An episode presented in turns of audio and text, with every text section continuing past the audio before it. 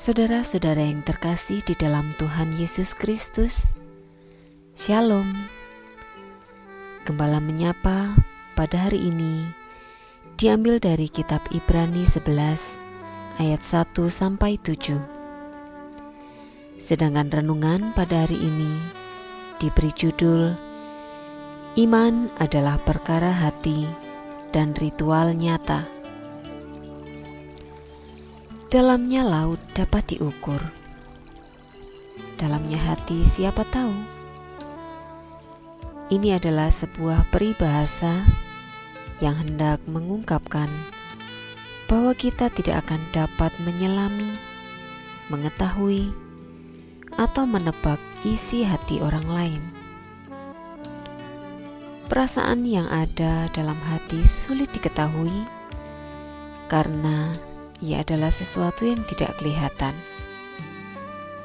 Penulis Ibrani mengatakan, "Iman adalah dasar dari segala sesuatu yang kita harapkan, dan bukti dari segala sesuatu yang tidak kita lihat."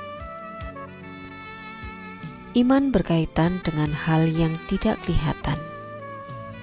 Artinya, ketika kita beriman, itu merupakan perkara hati, ada di dalam diri, sesuatu yang tidak kelihatan.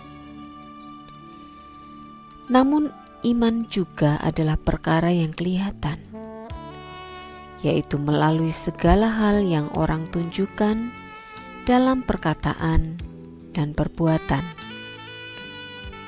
Misalnya, kesaksian hidup Habel yang mempersembahkan kurban syukur kepada Allah, kesaksian Henok yang hidup berkenan kepada Allah, dan kesaksian Nuh yang taat ketika disuruh membuat bahtera besar, sementara hujan lebat belum terjadi.